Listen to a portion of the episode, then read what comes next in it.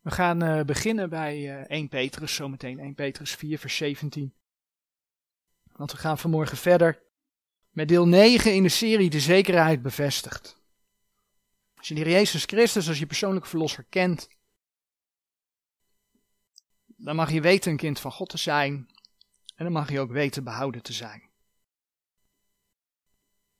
De Bijbel spreekt zelfs over zeker weten. En dat allemaal wat ik ook net gebeden heb, omdat de Heer Jezus voor je gestorven is en opgestaan is. Omdat Hij het volbracht heeft. Er zitten geen eigen werken bij. En juist dat geeft ook die zekerheid. Dat is gebaseerd op de brieven aan de gemeente, die in de eerste plaats geschreven zijn aan de gelovigen in deze gemeentetijd. Maar er wordt zoveel anders gepreekt. Vaak op basis op teksten van Hebreeën, teksten uit Matthäus, maar ook teksten uit Petrus. Er zijn zoveel teksten die, ja, die soms het tegendeel lijken te zeggen. Vaak komt dat omdat men een willekeurige tekst uit de grondtekst haalt. Een tekst die eigenlijk helemaal niet eens over behoud gaat. En dan zegt men toch dat dat over het behoud gaat. Maar vaak heeft het ook te maken met het niet recht delen van de schrift. Waardoor je daarop uitkomt. Nou, de laatste keer hebben we gekeken naar 1 Thessalonicense 3 vers 5. En in die tekst zagen we dat daar geschreven staat dat de arbeid van Paulus, Silvanus en Timotheus, dat dat ijdel zou kunnen wezen. En ijdel betekent dus ja, dat het, dat het niks heeft opgeleverd, dat het eigenlijk voor niets is geweest. Nou, we hebben stilgestaan bij de vraag of dat dan dus inhoudt dat, dat de gelovigen als ze niet standvastig zouden zijn onder verdrukking, want dat is waar de context over ging, of ze dan dus alsnog verloren zouden gaan, want ja, de arbeid zou dan ijdel zijn. Nou, we hebben gezien dat het antwoord daarop nee is, want ja, de brief aan de gemeente, 1 Korinthe 3 vers 15 zegt toch echt dat al verbranden al jouw werken als gelovige, als je voor de Heer gedaan hebt, al verbranden al je werken. De gelovige zelf is behouden. Nou, zoals al gezegd, de context van 1 Thessalonicense 3 vers 5 gaat over het lijden voor de naam van de Heer Jezus. En ja, dat is eigenlijk een oproep ook, om, om daarin staande te blijven. Nou, het werk van de gemeente is niet alleen maar om erop uit te gaan en mensen tot de Heer te leiden. Het werk is ook om het woord onder gelovigen te verkondigen. Zodat gelovigen opgebouwd worden, zodat gelovigen standvastig in het geloof worden. Dus daar is het ook voor, zodat gelovigen de Here waardig gaan wandelen.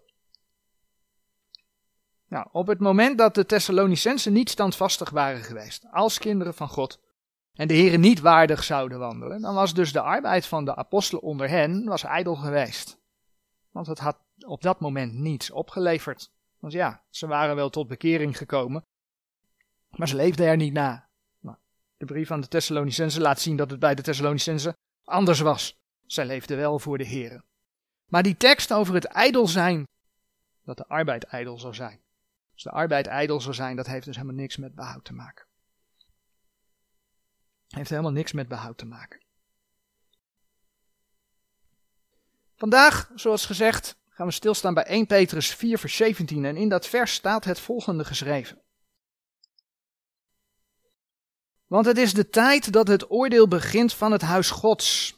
En dien het eerst van ons begint, welk zal het einde zijn dergenen die het evangelie Gods ongehoorzaam zijn. Deze tekst spreekt over het feit dat het oordeel begint van het huis Gods. Dus betekent dat dat je als wederom geboren gelovige alsnog onder Gods oordeel kunt komen en dus alsnog verloren bent. Per slot van rekening zegt 1 Petrus 4 vers 18 ook nog, en indien de rechtvaardige nauwelijks zalig wordt, waar zal de goddeloze en zondaar verschijnen? Je kunt blijkbaar nauwelijks zalig worden. Oftewel, nauwelijks gered worden. Dat is toch wat we daar net hebben gelezen. Dus waar is dan die zekerheid in het geloof? Nou, de vraag is of datgene wat ik net zo uitgesproken heb, ook is wat daar geschreven staat. Ja, ik heb de teksten voorgelezen, maar ik heb het ook een beetje ingekleed met woorden. Dus laten we daar eens naar kijken. En dan is het allereerst goed te kijken aan wie is nu 1 Petrus geschreven. Aan wie is die eerste Petrusbrief gericht? En dat vind je in 1 Petrus 1, vers 1. En in 1 Petrus 1, vers 1 staat geschreven het volgende.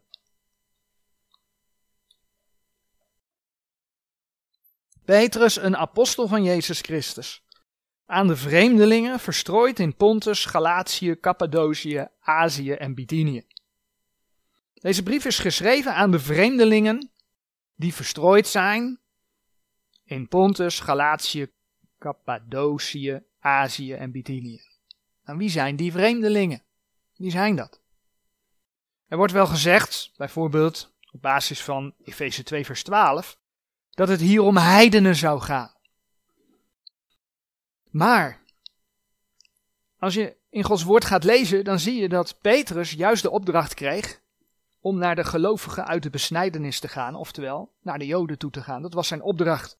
En laten we dat opzoeken, dat lezen we in Galaten 2 vers 9. Galaten 2 vers 9. En als Jacobus en Kefas, Kefas dat is een andere naam voor Petrus, en Johannes, die geacht waren pilaren te zijn, de genade die mij gegeven was, bekende, gaven zij mij en Barnabas de rechterhand der gemeenschap, opdat wij tot de heidenen, dus Paulus en Barnabas tot de heidenen, en zij tot de besnijdenis zouden gaan. Jacobus, Kefas, Petrus en Johannes, die zouden tot de besnijdenis gaan, tot de Joden.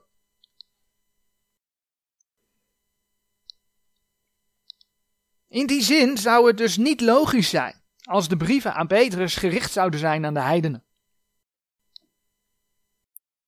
Die vreemdelingen waar 1 Petrus 1 vers 1 over spreekt, die bevonden zich in Pontus, Galatië, Cappadocië, Azië en Bithynië. Nou, dat zijn dezelfde streken als ook genoemd in Handelingen 2 vers 9. En dan hebben we het over de Pinksterdag. Handelingen 2 vers 9.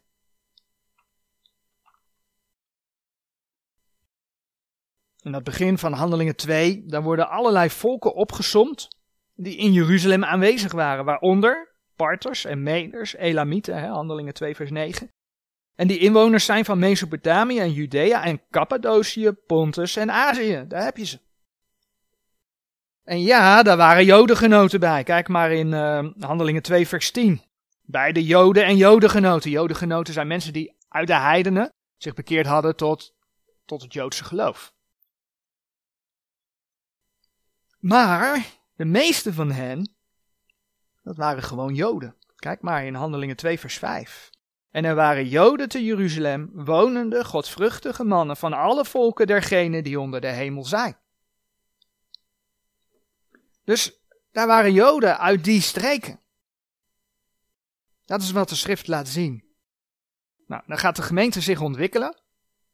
Nog één, één ding, als je in Handelingen 2 kijkt, zie je ook dat de boodschap steeds gericht is aan het huis van Israël, aan de Joden. Dat zie je in Handelingen 2 zie je dat door. Maar wat zie je dan gebeuren? Er komt vervolging en dan gaat de gemeente zich verspreiden. Nou, die gemeente verspreidt zich noordwaarts, die verspreidt zich richting Azië. Dat lees je onder andere in Handelingen 11, vers 19. Handelingen 11, vers 19. Degenen nu die verstrooid waren door de verdrukking die over Stefanus geschied was, gingen het land door tot Fenicië toe en Cyprus en Antiochië tot niemand het woord sprekende dan alleen tot de Joden. Het evangelie werd in eerste instantie aan de Joden verkondigd. Maar ook in het begin kwamen er heidenen tot geloven. Dat blijkt uit Handelingen 11, vers 20 en 21. Dus het waren met name de Joodse gelovigen die uit Jeruzalem zich gingen verspreiden en die dus ook in die streken terechtkwamen en daar het woord gingen verkondigen. En wat waren die Joden die daar kwamen? Dat waren vreemdelingen. Ja, ze kwamen uit, uit Jeruzalem. Ze kwamen uit Israël. Ze werden verstrooid. Dus dat waren vreemdelingen in die streken. Vandaar dat Petrus dus zijn eerste brief ja, in de eerste plaats schreef aan vervolgde Joodse, wederom geboren gelovigen.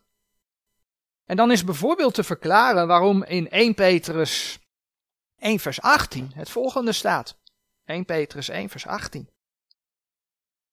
Wetende dat gij niet door vergankelijke dingen zilver of goud verlost zijt uit uw ijdele wandel, die u van de vaderen overgeleverd is Die uitdrukking van de vaderen overgeleverd, dat is een typisch Joodse uitdrukking. Voor de gemeente is niets via de vaderen overgeleverd. De gelovigen uit de heidenen hebben niet de geschiedenis van Abraham, Isaac, Jacob. De Joden wel. Overigens, het woordje vreemdelingen is ook dubbel uit te leggen. Waardoor je het wel degelijk ook kunt toepassen op de gelovigen uit de heiden.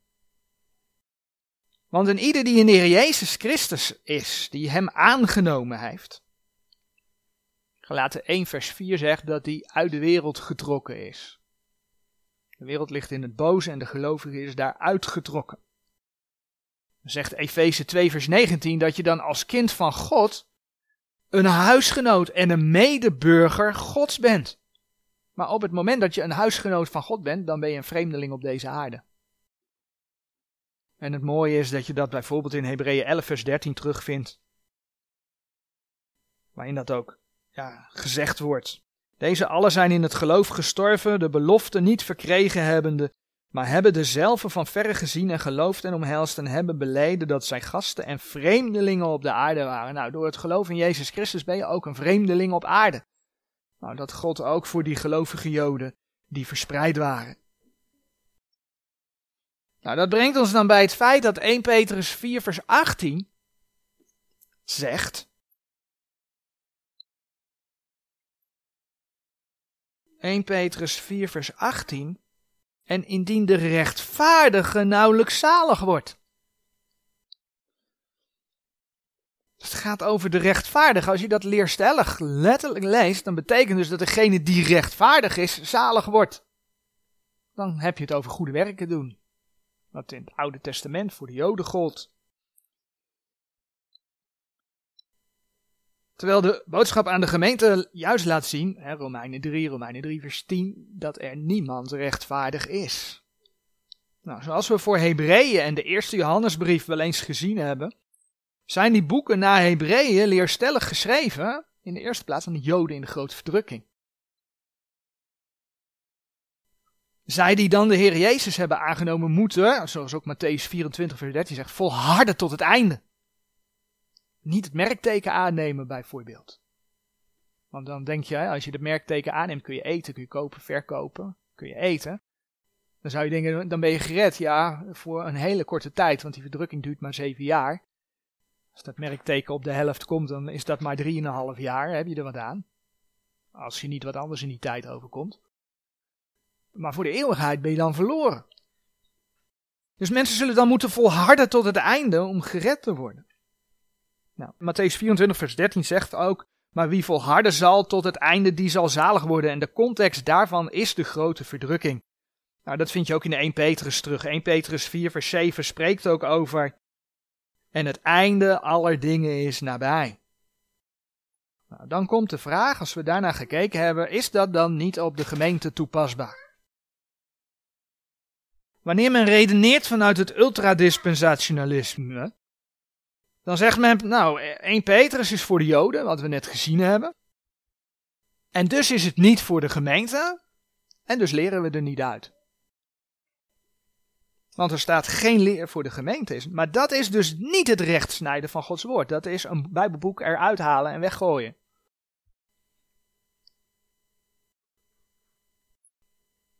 Ja, je ziet hier en daar in die eerste Petrusbrief de benadrukking van werken, de benadrukking van de rechtvaardige. Maar daar waar de eerste Petrusbrief overeenkomt met de brieven van de apostel Paulus aan de gemeente, daar kunnen we het zeker ook op de gemeente toepassen. En dat geldt voor grote delen van de eerste Petrusbrief. Dat geldt echt voor grote delen van de eerste Petrusbrief.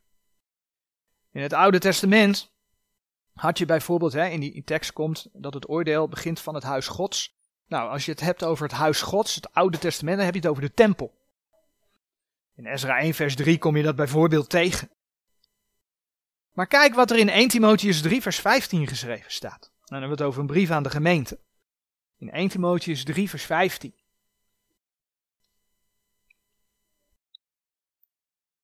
Maar zo ik vertoef op dat gij moogt weten hoe men in het huis Gods moet verkeren, het welk is de gemeente des levende Gods, een pilaar en vastigheid der waarheid. Het huis Gods in deze gemeentetijd is niet een gebouw. Althans, niet een gebouw van stenen. Niet het gebouw waar wij in zitten. Ook niet als je een eigen kerkgebouw hebt. Dat is niet het huis Gods. Wordt vaak zo wel genoemd. Maar dat is het niet. Het is de gemeente van de Heer Jezus Christus. Dat wordt in Efeze 2 een geestelijk gebouw genoemd. Dat gebouwd wordt op het fundament van de Heer Jezus Christus. En die bestaat uit alle wederom geboren gelovigen. Maar oké, als we dat dan toepassen op de gemeente, is dan de gemeente onderhevig aan het oordeel? Want ja, dat is toch wat we lezen in 1 Petrus 4, vers 17. De vraag is eigenlijk niet of de gemeente onderhevig is aan het oordeel. De vraag is, aan welk oordeel is de gemeente onderhevig? Er zijn heel gewoon verschillende oordelen. En vaak zie je in kerken, hè, in de, de Nederlandse geloofsbelijdenis, zijn alle teksten over oordeel zijn op één grote hoop geschoven. En daar creëert men dan het laatste oordeel uit. Ja, er is een laatste oordeel. Maar niet alle teksten in de Bijbel over oordeel gaan over dat laatste oordeel. Als we het over het laatste oordeel hebben, waar hebben we het dan over? We leven nu in de gemeentetijd. Als de Heer ons komt halen, breekt op aarde de grote verdrukking los. Daarna komt de Heer terug om zijn koninkrijk op aarde op te richten. En pas daarna wordt de Satan nog een korte tijd losgelaten. Dan gaat de Heer met de Satan afrekenen en ieder die zich dan nog bij hem voegt. En dan zal er een nieuwe, dan zullen de hemelen versmelten, de elementen zullen vergaan. En dan zal er een nieuwe hemel en een nieuwe aarde komen. En op die overgang vindt het laatste oordeel plaats. Het schema heb ik hier ook opgenomen. Dus hier vindt het laatste oordeel van de grote witte troon plaats. In Openbaring 20, vers 11 staat dat beschreven. Maar de gemeente heeft deel aan de eerste opstanding. Die gaat met de opname al naar de Heren toe. En verschijnt op dat moment, dat is dus meer dan duizend jaar eerder, verschijnt op dat moment voor de rechterstoel van Christus. De tekst die we daarover lezen vinden we in 2 Korinthe 5 vers 10. 2 Korinthe 5 vers 10. Dit is aan de gemeente geschreven. En er wordt er niet gesproken over de grote witte troon, maar dan wordt er gesproken over de rechterstoel van Christus. 2 Korinthe 5 vers 10, want wij allen moeten geopenbaard worden voor de rechterstoel van Christus, opdat een iegelijk wegdragen hetgeen door het lichaam geschiet. Nadat hij gedaan heeft, het zij goed, het zij kwaad.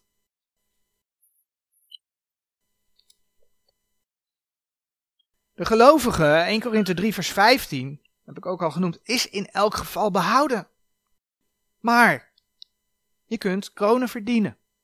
En een van die kronen heeft te maken met het lijden in de naam van de Heer Jezus. En dat zorgt er dan voor dat je loon en kroon hebt in de eeuwigheid. Dat je beloond wordt, en dan spreekt de Bijbel over dat je zult meeregeren met de Heer Jezus in zijn koninkrijk. Ik ga nu niet al die teksten opzoeken, we hebben daar eerder bij stilgestaan. Daar staan preken over. Dus uh, mocht je die niet kunnen vinden, vraag het, dan kan ik je een linkje sturen. Maar tekst die daarover gaat is 2 Timotheus 2 vers 11 tot en met 13. Als je voor de Heer leidt, zul je met hem meeregeren in zijn koninkrijk. Dat heeft te maken met het verdienen van die kronen. Nou, de vorige keer zagen we in 1 Thessalonicense 3 vers 2 tot en met 4 dat de Thessalonicensen met verdrukking te maken hadden. Nou, het mooie is dat juist de context van 1 Petrus 4 vers 17 ook over dat lijden voor de Heer Jezus gaat. Kijk maar bijvoorbeeld in 1 Petrus 4, vers 12. Geliefde, houdt u niet vreemd over de hitte der verdrukking onder u, die u geschiet tot verzoeking, alsof u iets vreemds overkwamen. Maar gelijk gij gemeenschap hebt aan het lijden van Christus, vers 13, alzo verblijdt u, opdat gij ook in de openbaring zijn heerlijkheid u moogt verblijden en verheugen. En daarin begint dus het oordeel bij het huis Gods. Ook in deze tijd. Zelfs de gemeente wordt geoordeeld op basis van haar werken. En dan kun je de vraag stellen, en dat is wat dus in 1 Petrus 4, vers 17 en 18 gebeurt, als de gemeente al geoordeeld wordt, waar blijft dan degene die het evangelie niet gehoorzaam is? Die de Heer Jezus Christus niet gelooft? Zoals 1 Petrus 4, vers 17 dus zelfs. Nou, Gods woord laat zien dat Gods toren op diegene blijft. Hè? Johannes 3, vers 36. En dat betekent dat de toekomst van diegene in het verderf, in de hel is. Jezus kondigde het aan in Matthäus 7, vers 13. In Openbaring 20, vers 15 lees je daarover bij het laatste oordeel. Maar dat oordeel van de gemeente komt nog een stukje dichterbij.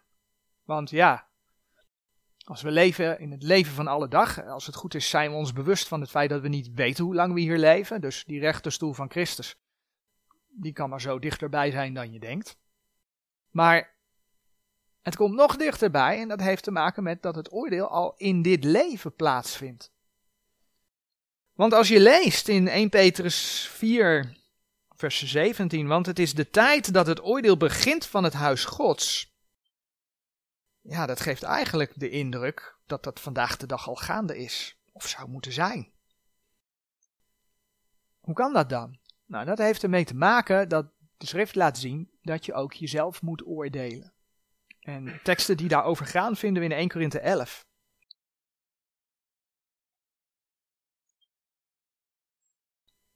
Eén keer in de 11 vers 31 en 32. Waar dan geschreven staat, want indien wij onszelf veroordeelden, zo zouden wij niet geoordeeld worden. Maar als wij geoordeeld worden, zo worden wij van de Here getuchtigd, opdat wij met de wereld niet zouden veroordeeld worden. Je moet jezelf dus oordelen. En waarom? Om niet door de Heer getuchtigd te worden. Of geoordeeld te worden voor de rechterstoel van Christus. Wat houdt dat in? Nou, dat je je leven plaatst in het licht van Gods woord. En dat je durft aan te wijzen als je dat tegenkomt, maar oh, dat is niet wat de Heer van mij vraagt. En dat je dat dan beleidt. Ja, dan reinigt de Heer je daarvan. Dat is, dat is jezelf oordelen. Jezelf plaatsen in het licht van Gods woord en daar duidelijk over zijn. En niet denken van, oh ja, heren. Nee, maar dat staat er wel, maar u bedoelt dat vast anders. Dat is niet de bedoeling. Dus dan reinigt de Heer je. Nou, als je dat niet doet, dan kun je te maken krijgen met tuchtiging. Dat is wat de schrift laat zien. En uiteindelijk is dat een stukje genade van God. Want op het moment dat de Heer je tuchtigt en je daardoor tot inzicht komt en je het alsnog gaat beleiden, ontvang je alsnog reiniging, want dan doet Hij de zonde weg. Dan hoef je het niet weg te dragen voor de rechterstoel van Christus. Zul je minder schade lijden of meer loon ontvangen. Dat is hoe de Heer dat oordeelt. Maar ook hierin zie je dus, het oordeel begint van het huis Gods. Nou, we zien in elk geval dat 1 Petrus 4 vers 17 voor de gemeente geen zins inhoudt dat je alsnog verloren kunt gaan. Maar ja, hoe lees je dan 1 Petrus 4 vers 18? En indien de rechtvaardige nauwelijks zalig wordt, waar zal de goddeloze en zondaar verschijnen? 1 Petrus 4 vers 18. Als je dat plaatst in het licht, leerstellig, voor de grote verdrukking, dan begrijp je dat. Het volharden tot het einde. Maar hoe zit dat dan? Nou, waar de goddeloze en zondaar verschijnt, hebben we zojuist gezien. Maar waarom wordt die rechtvaardige nauwelijks zalig? Nou, als je dat toepast op de gemeente, dan kun je alleen maar rechtvaardig zijn in Christus. Doordat je de Heer Jezus hebt aangenomen, 2 Korinthe 5 vers 21 zegt dat, dan draag je Gods rechtvaardigheid. De Heer heeft je zonde dan vergeven en je krijgt ja, Gods rechtvaardigheid aangereikt. Dat is dan je status als christen zijnde. En dan op dat moment ben je eigenlijk nauwelijks zalig geworden. Want er is een brede weg die naar het verderf leidt. Er is een religie zus, er is een religie zo en nog een keer een religie zo. Allemaal hebben ze eigenlijk de grote gemene delen. Dat als jij die en die stappen doet, dan mag je hopen dat je er komt. Er zijn ook christelijke varianten van. Maar dat is niet wat de schrift zegt. De schrift zegt, je wordt niet behouden uit de werken. Efeze 2 vers 8 en 9. Dus er is een smalle weg die tot het leven leidt. En dat is de Heer Jezus Christus.